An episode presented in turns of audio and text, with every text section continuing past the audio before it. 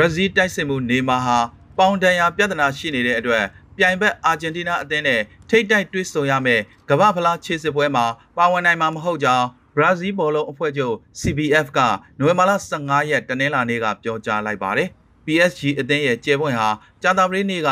ကိုလံဘီယာနဲ့ပွဲကိုမိနစ်90အချိန်ပြည့်ကစားခဲ့ပါတယ်။ ဒီပွဲမှာဘရာဇီးအသင်းအတွက်တလုံးတည်းသောအနိုင်ဂိုးကိုနေမာကန်တင်ပေးလိုက်တဲ့ဘောလုံးကနေလူကတ်ပက်ကာတာကပွဲချိန်82မိနစ်မှာသွင်းယူနိုင်ခဲ့ပြီး2022ကာတာကမ္ဘာဖလားပြိုင်ပွဲအတွက်ကြိုတင်ဘိုကင်ပြုလုပ်နိုင်ခဲ့ပါတယ်။ဒါပေမဲ့တိုက်စစ်မှုဟာအင်္ဂါနေ့မှာရှင်ပြိုင်ကစားရမယ့်အာဂျင်တီးနားနဲ့ပွဲကိုပေါင်တန်ရာကြောင့်လက်လွတ်ခဲ့ရပါတယ်။ဒီမနေ့လေ့ကျင့်ရေးအပြီးမှာနေမာက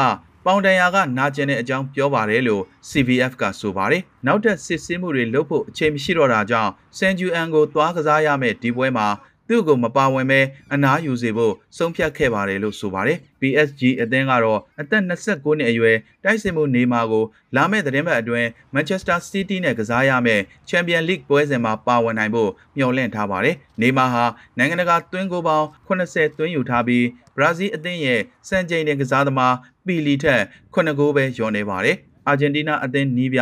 လီယိုနယ်စကာလိုနီကတော့ဂျာသာရီနေ့က ဥရုဂွေးကိုတကိုးဂိုးမရှိနဲ့အနိုင်ရခဲ့တဲ့ပွဲမှာ15မိနစ်ပဲကစားပြီးအရန်ခုံမှာထိုင်နေစေခဲ့တဲ့လီယိုနယ်မက္ဆီကိုအင်္ဂါနေ့ပွဲစဉ်မှာပါဝင်ကစားခိုင်းဖို့အသင့်ဖြစ်နေပြီလို့တနင်္လာနေ့ကပြောကြားလိုက်ပါတယ်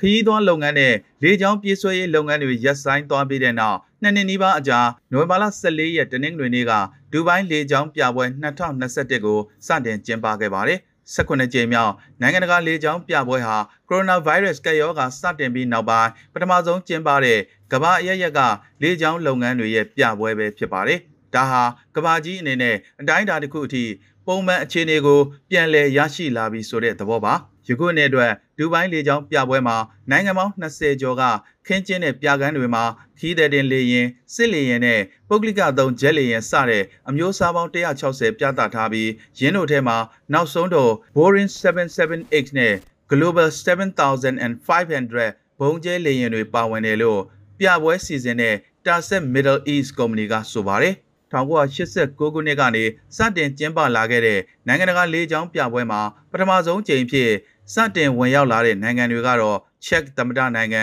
ဘယ်လ်ဂျီယံဘရာဇီးနဲ့အစ္စရေးနိုင်ငံတို့ပဲဖြစ်ပါတယ်။9ရက်တာကျင်းပမဲ့ဒီပြပွဲမှာ2019ခုနှစ်တုန်းကလိုလူ8000ခွဲကျော်လာရောက်ကြည့်ရှုဖို့မျှော်မှန်းထားပါတယ်ယခုနှစ်ဒူဘိုင်းလေကြောင်းပြပွဲ2021မှာရုရှားကလည်း American လို့ F-35 Lightning II တိုက်လေယာဉ်နဲ့ရှင်ပြိုင်နိုင်စွမ်းရှိတဲ့အပေါ်စားဗျူဟာမြောက် ကိုပြောင်းတိုက်လေယာဉ် Sukhoi Su-75 Checkmate ပုံစံတူကိုခင်းကျင်းပြသခဲ့ပါတယ်။အဆိုပါပုံစံတူကိုရုရှားမှာကျင်းပခဲ့တဲ့ Max လေကြောင်းပြပွဲမှာစတင်မိတ်ဆက်ခဲ့ပြီးသားဖြစ်ပါတယ်။ Checkmate ရဲ့ပွဲဥရက်ပြန်တမ်းမှုကို2023ခုနှစ်မှာပြုလုပ်ဖို့မျှော်မှန်းထားပြီးတင်ပို့မှုတွေကိုတော့2026နဲ့28ခုနှစ်မှာပြုလုပ်သွားမှာဖြစ်တယ်လို့ဆိုပါတယ်။ Checkmate ကိုပြောက်လေရင်ကိုကုန်ကျစရိတ်ကျင်းပြီးပြည်ပတင်ပို့နိုင်ဖို့နဲ့ Lockheed Martin Company တို့ F-35 Lightning II နဲ့ Xiaoyan FC-31 တို့ကိုရှင်းပြိုင်နိုင်စွမ်းရှိအောင်ဒီဇိုင်းထုတ်ထားတာဖြစ်ပါတယ်။15နှစ်အတွင်းအစည်းအဝေး300ထုတ်လုပ်နိုင်ဖို့ခံမှန်းထားတယ်လို့ဆိုပါတယ်။ရုရှားသမ္မတဗလာဒီမီယာပူတင်တီထောင်ထားတဲ့ကာကွယ်ရေးနဲ့အစစ်မြစ်နည်းပညာကုမ္ပဏီ Rostec ရဲ့အမှုဆောင်အရာရှိချုပ်စာကက်ရှန်မဇော့ရဲ့အဆိုအရ Checkmate ကိုပြောက်လေယာဉ်တစ်စင်းရဲ့ ထုတ်လုပ်မှုကုန်ကျစရိတ်ဟာဒေါ်လာ25သန်းနဲ့တန်း30ကျားရှိမယ်လို့ဆိုပါတယ်။အဆိုပါကိုပြောက်လေယာဉ်ကနဦးထုတ်လုပ်မှုတွေကို Sukhoi Su-57 ထုတ်လုပ်ရာနေရာဖြစ်တဲ့ Komsomol Unamua လေယာဉ်ထုတ်စက်ရုံမှာပြုလုပ်သွားမှာဖြစ်ပါတယ်။ Su-75 Checkmate တိုက်လေယာဉ်မှာ Dividerless Inlet လေးစီးစနစ်ကိုသုံးထားပြီး V-shape အမည်နဲ့ဝမ်းတွင်းထက်လက်နက်တိုက်စနစ်သုံးထားပါတယ်။ဒီအင်္ဂါရက်တွေဟာ လေယာဉ်ကိုရေဒါအာရုံမခံနိုင်စေဖို့ရည်ရွယ်တာဖြစ်ပါတယ်။အပြန့်ကျဲတဲ့တောင်ပန်တွေကလေယာဉ်ကိုပေ4000နဲ့အထက်ပြန်တန်းနိုင်စေဖို့ဒီဇိုင်းထုတ်ထားတာဖြစ်ပါတယ်။ SU-75 Checkmate တိုက်လေယာဉ်ဟာတနအီကို1864မှာကီလိုမီတာ3000နှုန်းနဲ့ပြန်တန်းနိုင်ပြီးဝင်တင်နိုင်စွမ်း16300 314ပေါင်ရှိမယ်လို့သိရှိရပါတယ်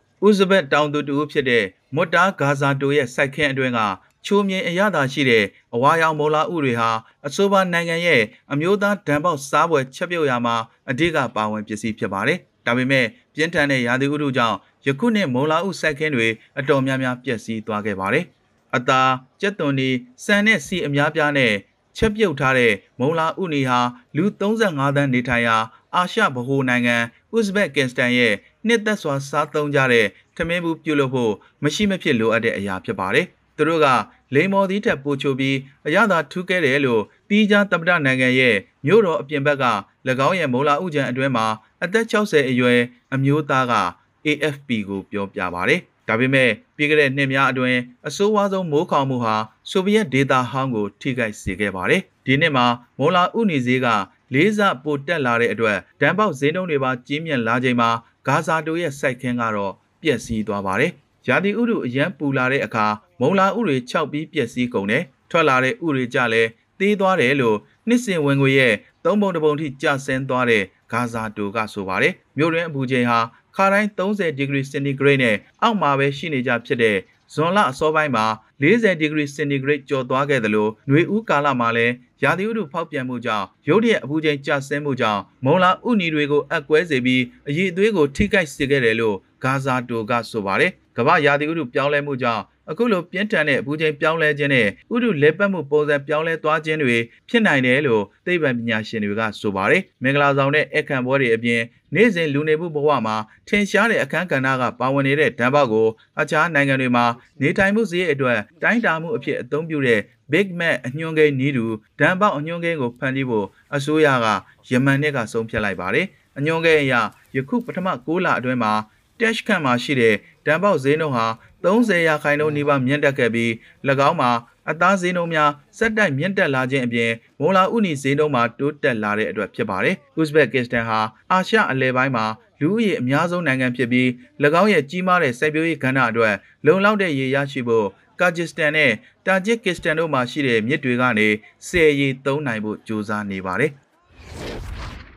American သမ္မတဂျိုးဘိုင်ဒန်နဲ့တရုတ်သမ္မတရှီကျင်းဖျင်တို့ဟာစူပါပါဝါနိုင်ငံများအကြားပုံမကောင်းမွန်တဲ့ဆက်သွယ်မှုရရှိဖို့နဲ့ပဋိပက္ခရေစီကိုလမ်းချော်မသွားအောင်နှစ်ဖက်တတိထားလှုပ်ဆောင်ကြဖို့ဘိုင်ဒန်ရဲ့ပန်ကြားချက်နဲ့အတူအွန်လိုင်းထိပ်သီးအစည်းအဝေးကိုနိုဝင်ဘာလ15ရက်တနင်္လာနေ့မှာဖွင့်လှစ်ခဲ့ပါတယ်။ရှီကိုအင်ဘီရောကနေရုံမြင့်တန်းကြားဖန်သားပြင်ပေါ်ကတွဲဆုံခဲ့ရမှာကုံသွယ်ရေးနဲ့ ထိုင်ဝမ်အရေးအပါအဝင် လောင်ကျေးမြင့်မားတဲ့အငင်းပွားမှုများကြောင့်လှုပ်ခတ်သွားတဲ့နှစ်နိုင်ငံဆက်ဆံရေးကိုပြန်လည်တည်ဆောက်နိုင်ဖို့အလေးပေးပြောကြားခဲ့ပါတယ်။ကျွန်တော်တို့နှစ်နိုင်ငံကြားကပြိုင်ဆိုင်မှုတွေကနေရည်ရွယ်တာပဲဖြစ်ဖြစ်မရည်ရွယ်ဘဲနဲ့ပဲဖြစ်ဖြစ်ပဋိပက္ခတွေစီကိုလမ်းချော်မသွားအောင်လုပ်ဖို့ကျွန်တော်တို့မှာတာဝန်ရှိတယ်လို့ယူဆပါတယ်။ဒါဟာရိုးရှင်းပြီးဖြောင့်မတ်တဲ့ပြိုင်ဆိုင်မှုတတ်တတ်ပါပဲလို့ဘိုင်ဒန်ကပြောကြားလိုက်ပြီးနှစ်ဦးနှစ်ဖက်ပွင့်ပွင့်လင်းလင်းဆွေးနွေးကြမယ်လို့၎င်းကဆိုပါတယ်။ ရှီကလည်းပေကျင်းကနေဘိုင်ဒန်ကိုမိတ်ဆွေဟောင်းကြီးလို့တရင်တနည်းခေါ်ဆိုလိုက်ပြီးပြိုင်ဘက်တွေဆိုပေမဲ့ပုံမနီးကပ်စွာလှုပ်ဆောင်ရမယ်လို့ပြောကြားခဲ့ပါတယ်။စင်ခေါ်မှုတွေကိုကျွန်တော်တို့အတူတူရင်ဆိုင်နေကြရတယ်။ကမ္ဘာအကြီးဆုံးစီးပွားရေးနိုင်ငံတွေနဲ့ကုလသမဂ္ဂလုံခြုံရေးကောင်စီရဲ့အမြဲတမ်းအဖွဲ့ဝင်နိုင်ငံတွေဖြစ်တဲ့တရုတ် အမေရိကန်တို့ဟာနှစ်နိုင်ငံဆက်ဆံရေးနဲ့ပူးပေါင်းဆောင်ရွက်မှုတွေတိုးမြင့်လှုပ်ဆောင်ဖို့လိုအပ်ပါတယ်လို့တကားပိတ်အစည်းအဝေးမတိုင်မီစကားပြန်ကတဆင့်အတူချုပ်မှတ်ချက်များပြောကြားခဲ့ပါတယ်။ခေါင်းဆောင်တို့ဟာ January လဘိုင်ဒန်စတင်တာဝန်ယူချိန်ကစလို့နှစ်ကြိမ်တိုင်တိုင်ဖုန်းနဲ့ဆက်သွယ်ပြောဆိုခဲ့ကြပေမဲ့ကက်ရောဂါကြောင့်နိုင်ငံရခြားကိုတွားရောက်ဖို့ရှီကညင်းဆိုခဲ့တဲ့အတွက်လူကိုယ်တိုင်ထိပ်သီးအစည်းအဝေးပွဲအစားအွန်လိုင်းဗီဒီယိုတွေ့ဆုံပွဲကိုရွေးချယ်ခဲ့ကြပါတယ်။အင်မီရောပြောခွင့်ရဂျမ်ပစာကီကတရုတ်ကိုထိန်းချုပ်နိုင်ဖို့အတွက်အခြားဒီမိုကရေစီနိုင်ငံတွေနဲ့လာပေါင်းများစွာ မဟာမိတ်ဖွဲ့မှုတွေပြန်လည်တည်ဆောက်ပြီးတဲ့နောက်မှာဘိုင်ဒန်အနေနဲ့တရုတ်နဲ့ထိပ်သီးဆွေးနွေးပွဲပြုလုပ်ဖို့မျှော်လင့်ထားကြောင်းပြောကြားခဲ့ပါတယ်။ယခုအစည်းအဝေးဟာတရုတ်နိုင်ငံနဲ့ပြိုင်ဆိုင်မှုဆိုင်ရာစီမင်းစည်းကမ်းတွေသတ်မှတ်ဖို့နဲ့ပေကျင်းရဲ့ခေါင်းဆောင်တွေကိုသတ်မှတ်ချက်အတိုင်းရှင်ပြိုင်ကစားစေဖို့ရည်ရွယ်ကြောင်းပစာကီကအခိုင်အမာပြောကြားခဲ့ပါတယ်။အစည်းအဝေးဖြစ်ပေါ်လာရခြင်းအဓိကအကြောင်းအရာတစ်ခုအဖြစ်ကိုပိုင်အုပ်ချုပ်ခွင့်ရဒီမိုကရေစီနိုင်ငံထိုင်ဝမ်ကို တရုတ်ရဲ့ရန်လိုမှုတွေပါဝင်ပြီးဘိုင်ဒန်ရဲ့လက်ထောက်တွေကတင်းမာမှုတွေတိုးမလာအောင်ကူညီဖို့ထိပ်သီးဆွေးနွေးပွဲကိုအခွင့်အရေးတရအနေနဲ့ချပြခဲ့တာဖြစ်ပါတယ်။ဘိုင်ဒန်နဲ့ရှီနူးစလုံးကနှစ်နိုင်ငံအနေနဲ့ကမ္ဘာလုံးဆိုင်ရာပြဿနာတွေအထူးသဖြင့် COVID-19 နဲ့ရာသီဥတုဆိုင်ရာကိစ္စရပ်တွေမှာအတူတကွပူးပေါင်းပါဝင်ဆောင်ရွက်ဖို့လိုအပ်ကြောင်းအလေးပေးပြောကြားခဲ့ပါတယ်။ငြိမ်းချမ်းပြီးတည်ငြိမ်တဲ့နိုင်ငံတကာဝန်ကျင်ကိုကာကွယ်ဖို့အတွက်ခိုင်မာတဲ့တရုတ်အမေရိကန်ဆက်ဆံရေးလိုအပ်ကြောင်းရှီကပြောကြားခဲ့ပါတယ်။ ဒါပေမဲ့အင်ဗျူရောကတော့ထိပ်သီးအစည်းအဝေးဟာမိမိတို့မျှော်လင့်ထားသလိုအစည်းအဝေးမဟုတ်ကြောင်းတရားဝင်ထုတ်ဖော်ကြေညာခဲ့ပါတယ်။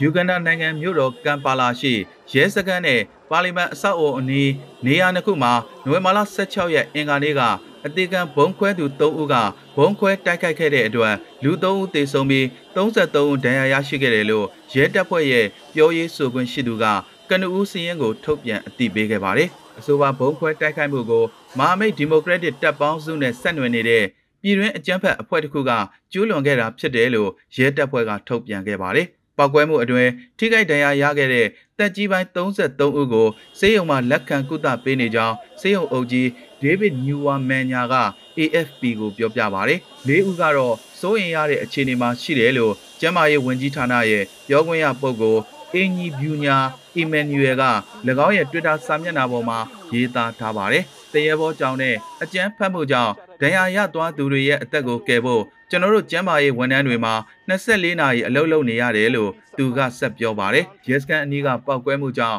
အနီးနားမှာရှိတဲ့အဆောက်အုံရဲ့မှန်တွေကွဲကြေကုန်ပြီး ပါလီမန်ဝင်ပေါက်အနီးကပောက်ကွဲမှုကြောင့်အနီးဝန်းကျင်မှာပါကင်ထိုးထားတဲ့ကားတွေမီးလောင်ကျွမ်းကုန်တယ်လို့အိုချွမ်ကဆိုပါတယ်။ပြီးခဲ့တဲ့လကလည်းဘုံခွဲတိုက်ခိုက်မှုနှစ်ကြိမ်ဖြစ်ပွားခဲ့ပြီးကမ်ဘာလာမြို့နားကပောက်ကွဲမှုမှာလူများစွာထိခိုက်ဒဏ်ရာရရှိခဲ့ပြီးမြို့တွင်းကလမ်းဘေးဈေးတန်းပောက်ကွဲမှုမှာအမျိုးသမီးတဦးသေဆုံးခဲ့ပါတယ်။အသေးခံဘုံဖောက်ကွဲသူနှစ်ယောက်မော်တော်ဆိုင်ကယ်နှစ်စီးနဲ့ရောက်လာတာကိုလုံခြုံရေးကင်မရာတွေမှာကြည်လင်ပြတ်သားတဲ့မှတ်တမ်းကြံရက်ခဲ့ပါတယ်။သူတို့ကဆိုင်ကယ်တက္ကစီသမားဟန်ဆောင်ထားကြတာပါ။သူတို့ကိုယ်ပေါ်မှာပါလာတဲ့ဘုံတွေကိုဖောက်ခွဲလိုက်ကြပြီးပွဲချင်းပြီးတေဆုံးသွားကြပါတယ်လို့ယူဂန်ဒါရဲတပ်ဖွဲ့ပြောခွင့်ရပုဂ္ဂိုလ် Fred Inanga ကဆိုပါတယ်လက်တလုံးမှာတော့တေဆုံးစီးရင်အနေနဲ့အသေးကံဘုံခွဲတိုက်ခိုက်သူ3ဦးရှိပြီးဒဏ်ရာရသူအရေအတွက်ကမူလာကိုစေးရုံမှာတင်ထားတဲ့အရေအတွက်အရ33ဦးရှိပါတယ်အဲ့ဒီထဲကမှ9ဦးကအတော်ကိုဒဏ်ရာပြင်းပါတယ်လို့သူကဆက်ပြောပါတယ်